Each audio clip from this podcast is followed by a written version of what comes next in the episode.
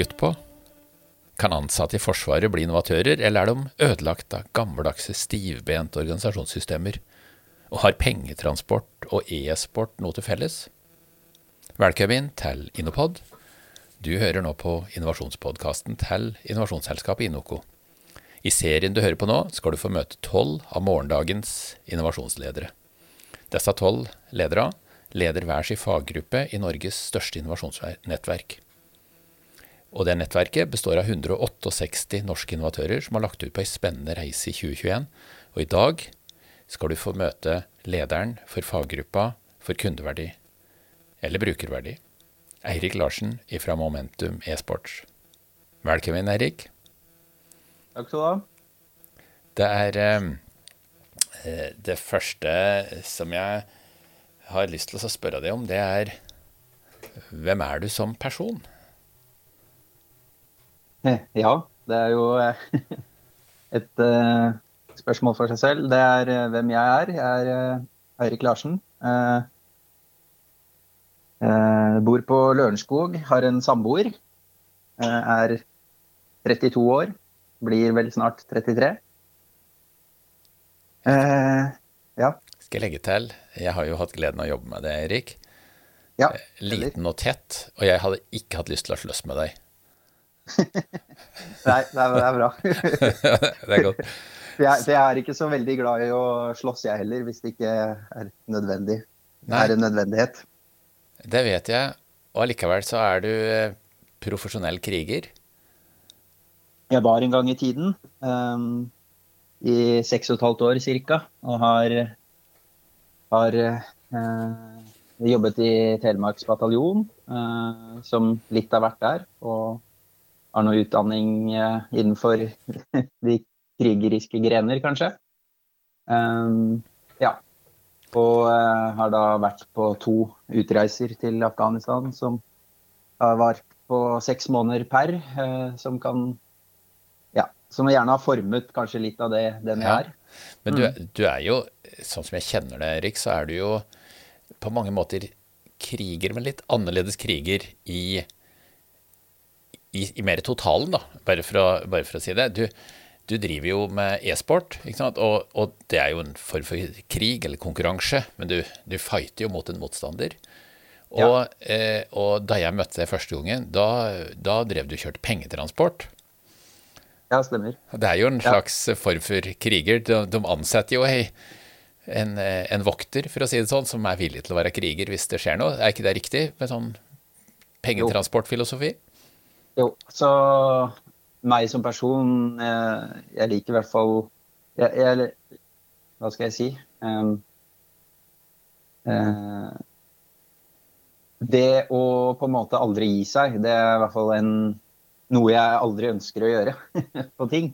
Uh, og det å Katinka sa det så godt en gang, at hun uh, følte at det var som et tog. Eh, ikke, ikke, i oppstarten, men når det gikk. Eh, at på en måte man har ikke sånne eh, eh, Hva skal jeg si At det går ikke opp og ned i forhold til arbeidet, men, men det er et konstant trøkk, da. Ja, det kan også. jo jeg som din kollega også skrive under på. Ja, så det er i hvert fall det, det eh, å finne motivasjonsfaktorer i hverdagen som gjør at eh, man kan på en måte gi det trøkket, da. Jeg tror Hvis du hadde vært en hund, så hadde du vært en terrier. Det er det jeg ser for meg. Ja, Ja. Liten, tett hund som er bare eh, Som du ikke vil komme i bråk med, og som ikke gir seg. Ja. ja det kan eh, godt hende. Så jeg i hvert fall henter veldig mye informasjon Nei, ikke informasjon, men motivasjon fra folk rundt meg ofte. Eh, og får veldig mye eh, Det har jeg merket litt eh, i forhold til forsvar og når jeg ble sivil, som jeg syns var litt interessant. Og det er dette her med I Forsvaret så har du jo på en måte dette du Hvis du skal ut på oppdrag eller den type ting, så er du en liten del av det store eh, Et lite tannhjul i det store maskineriet. Ja. Eh, som skal ende opp i et eller annet stort mål der ute. Eller altså eh, Man ønsker å oppnå det store bildet.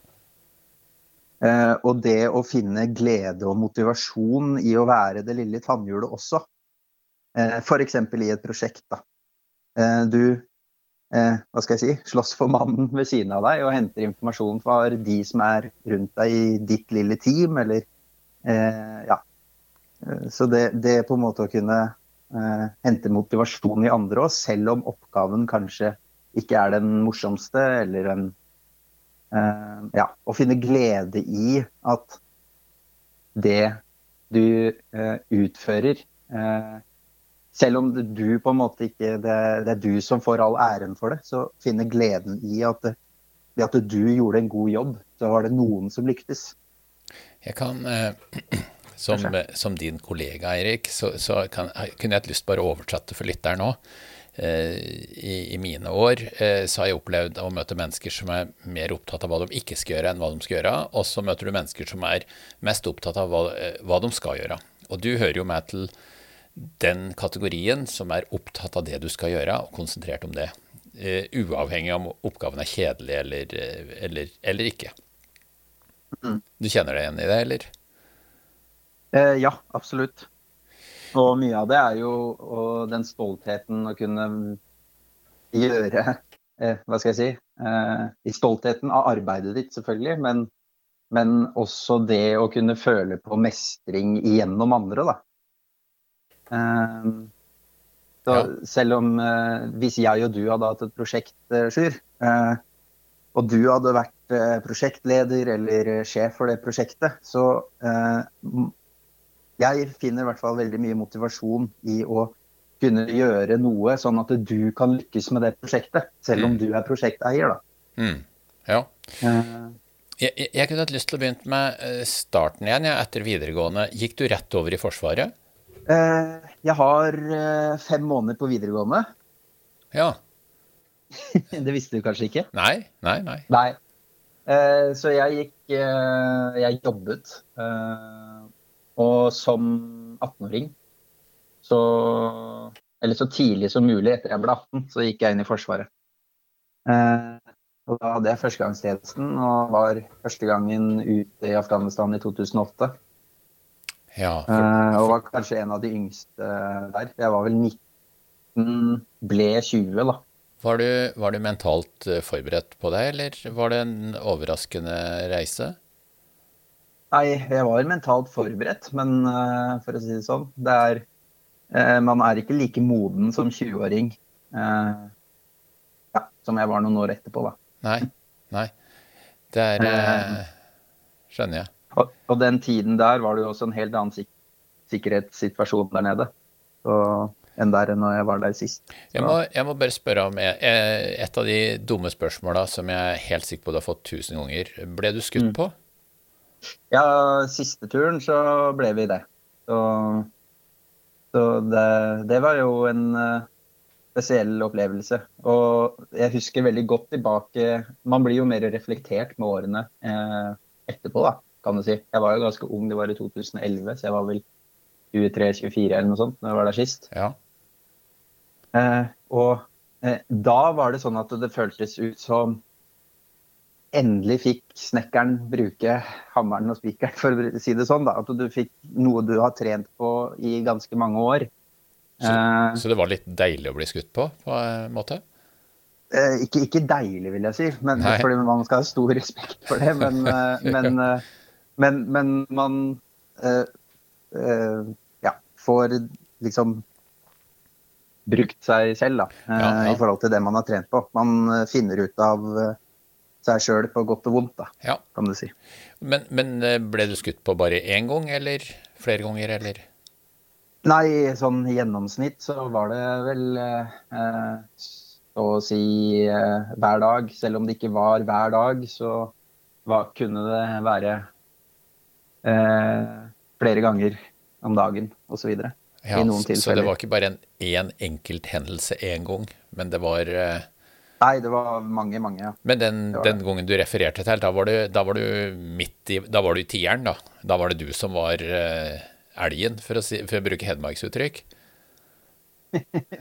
Nei, altså Vi Det er jo en kolonne på mange kilometer ofte som er ute og kjører. Uh, og om man er fremst eller bakerst, eh, så kan jo det være å påvirke om man blir skutt direkte på eller indirekte. Eh, og vi har jo blitt skutt direkte på et par ganger, men eh, det har jo gått bra, da. Gjør det noe med deg, sånn mentalt altså, Nå tenker jeg ikke bare på deg, men på, på kameratene dine og de du var sammen med. Merka du at noen endra seg av det og sånn? Eh, ikke, i den, eh, ikke i laget mitt, men det var flere andre rundt som har hatt ettervirkninger av dette, og det, det har vi respekt for. Eh, jeg og min nærmeste makker, da kan du si, har jo um, spøkt litt med det. Og, og, eh, selv om det er en alvorlighet under, i, under det, men ja. vi har jo uh, sagt at vi er for dumme til å forstå hva som egentlig har skjedd. uh, men vi har jo absolutt Det jeg har merket, er at uh, vi snakker veldig mye om det. når vi, I hvert fall i tiden etterpå, men hver gang vi møtes og sånn. Som kan være en eller annen form for Jeg vet ikke eh, form for eh, Ja, at man snakker seg gjennom tingene, da. Ja. Jeg kan, jo, jeg kan jo opplyse til lytteren da, at dum er nok ikke det begrepet som passer. Og, og jeg har lyst til å lede deg over til deg som innovatør. og Første gangen jeg traff deg, så jobba du på Du var student og skulle utplasseres i to måneder. Og kom til oss eh, for å jobbe som Du drev med prosjektlederutdanning. Og vi hadde vel eh, kanskje ikke bruk for noen eller ikke, men man vil jo støtte opp rundt studenter osv., så, videre, så vi sa ja. Og eh, da du skulle dra to måneder senere, så hadde vi et møte på jobben og da var gjennomgangstemaet at den fyren her kan vi ikke miste. Vi må bare sørge for at han blir her. Så det, så det var Du kom inn som eh, sånn OK, da, kom inn. Vi har en pult her, vi skal sikkert finne noe til deg å gjøre. Og to måneder senere så var, vi, så var det helt snudd, Erik. Ja, det, det, var hyggelig. Så, eh, og det, eh, da kjørte du pengetransport sånn på si og var student. Og, og det var vel din, ditt første trinn inn i innovasjonsverdenen, er, det riktig? Ja, det stemmer. Um, jeg, var student, fulltidsstudent på dagen og kjørte pengetransport på kvelden og natta.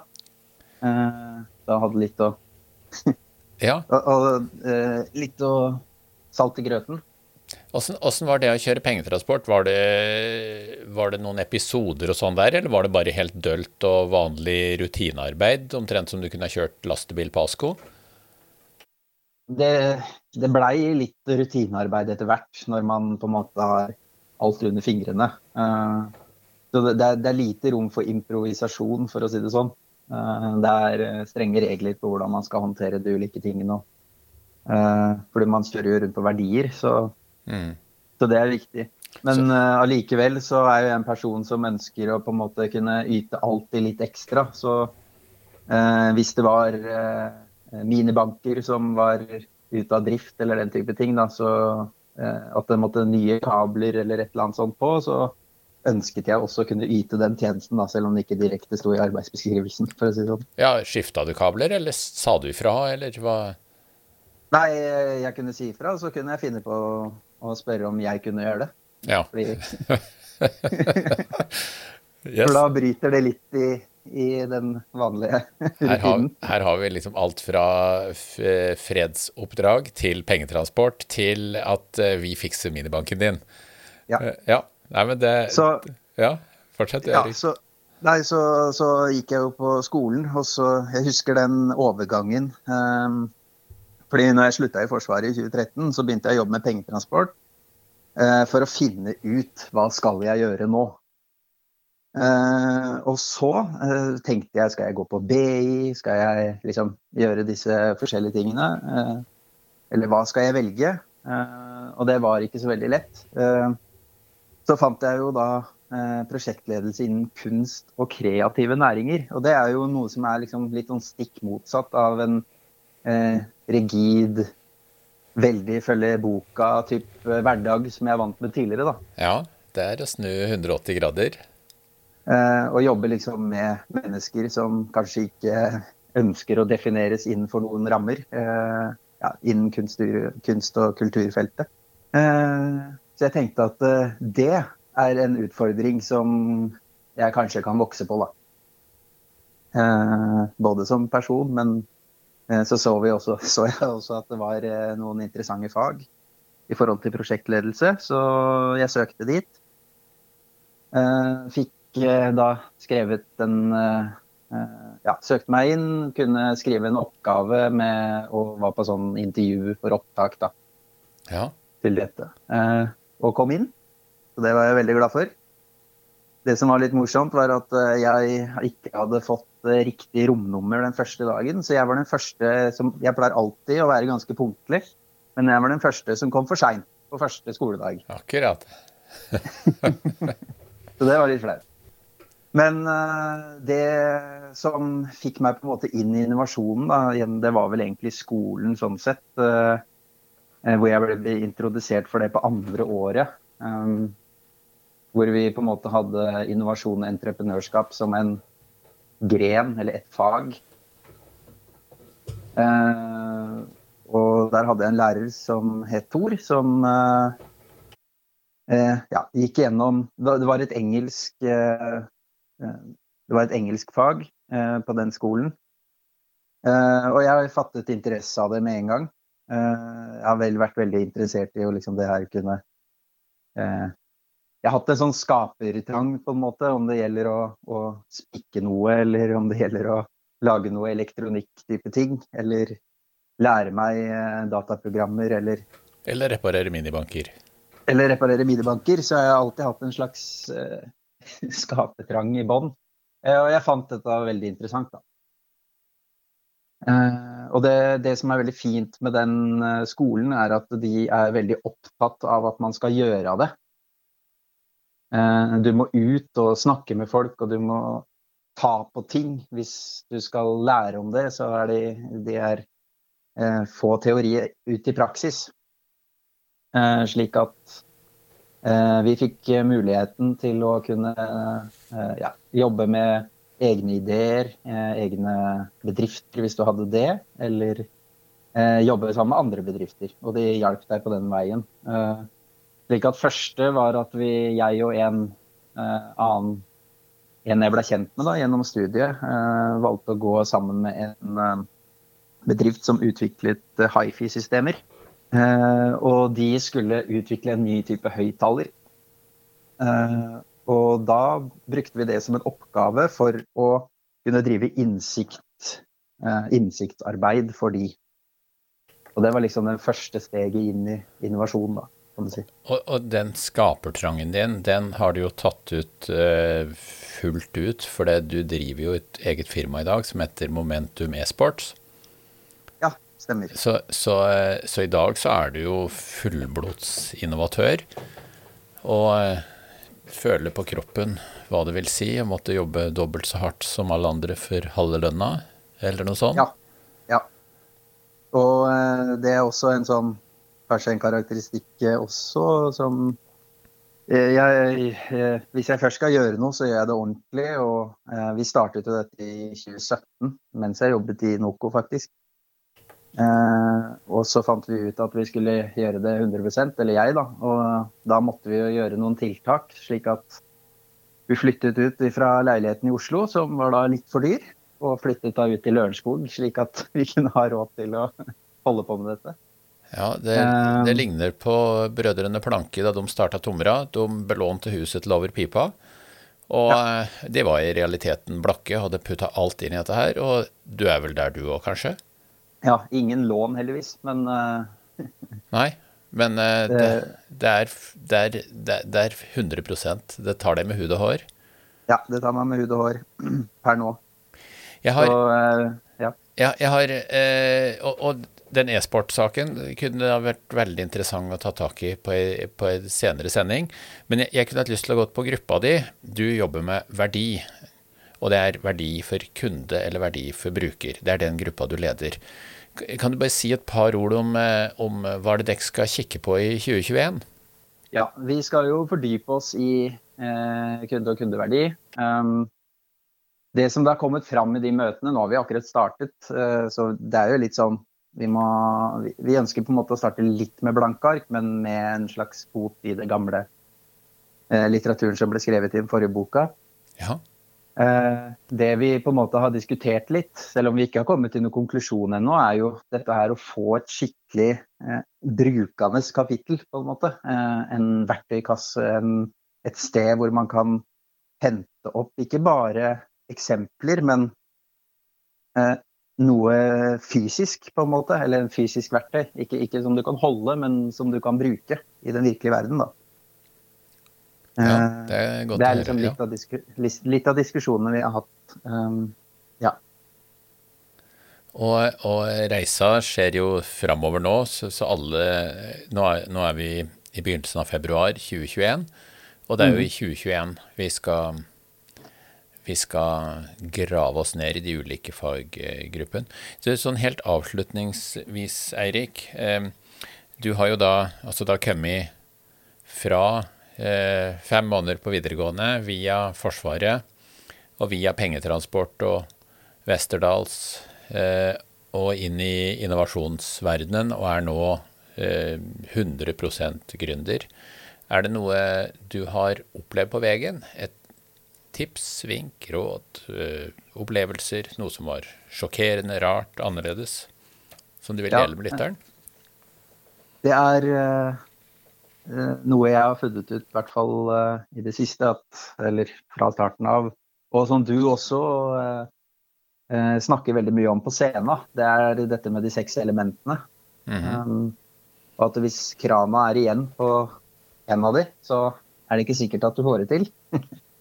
Uh, og uh, team er ekstremt viktig. Uh, og det å finne et godt team som legger hud og hår i det sammen med deg um, i oppstarten, det er i hvert fall noe jeg har funnet ut kan være en god verdi. da. Ja. Og velge det med omhu. Så team er i hvert fall noe Hvis det kreves at man har et team, så er team absolutt viktig, et viktig punkt. Ja, det vet jo Det tror jeg de fleste vet. Eh, spesielt godt de som har fått et dårlig team først, og følt hvordan det er å slite med det. Ja. Men selvfølgelig, gode team er en fantastisk eh, å jobbe med. Eirik, eh, vi begynner å nærme oss eh, slutten her. Eh, det var veldig spennende å høre på hva du eh, har vært gjennom. Og vi skal komme med flere podkaster fra gruppa di etter hvert. sånn faglig sett òg. Ja. Um, og til deg som lytter på, vi er innovasjonspodkasten til innovasjonsselskapet Inoco. Uh, med meg i studio i dag hadde jeg Eirik Larsen fra Momentum e-sports, og Eirik leder gruppa for kundeverdi og for brukerverdi i innovasjonsnettverket. Lydmannen var Petter Strøm, og jeg heter Sjur Dagestad. Takk for at du hørte på oss, og velkommen tilbake.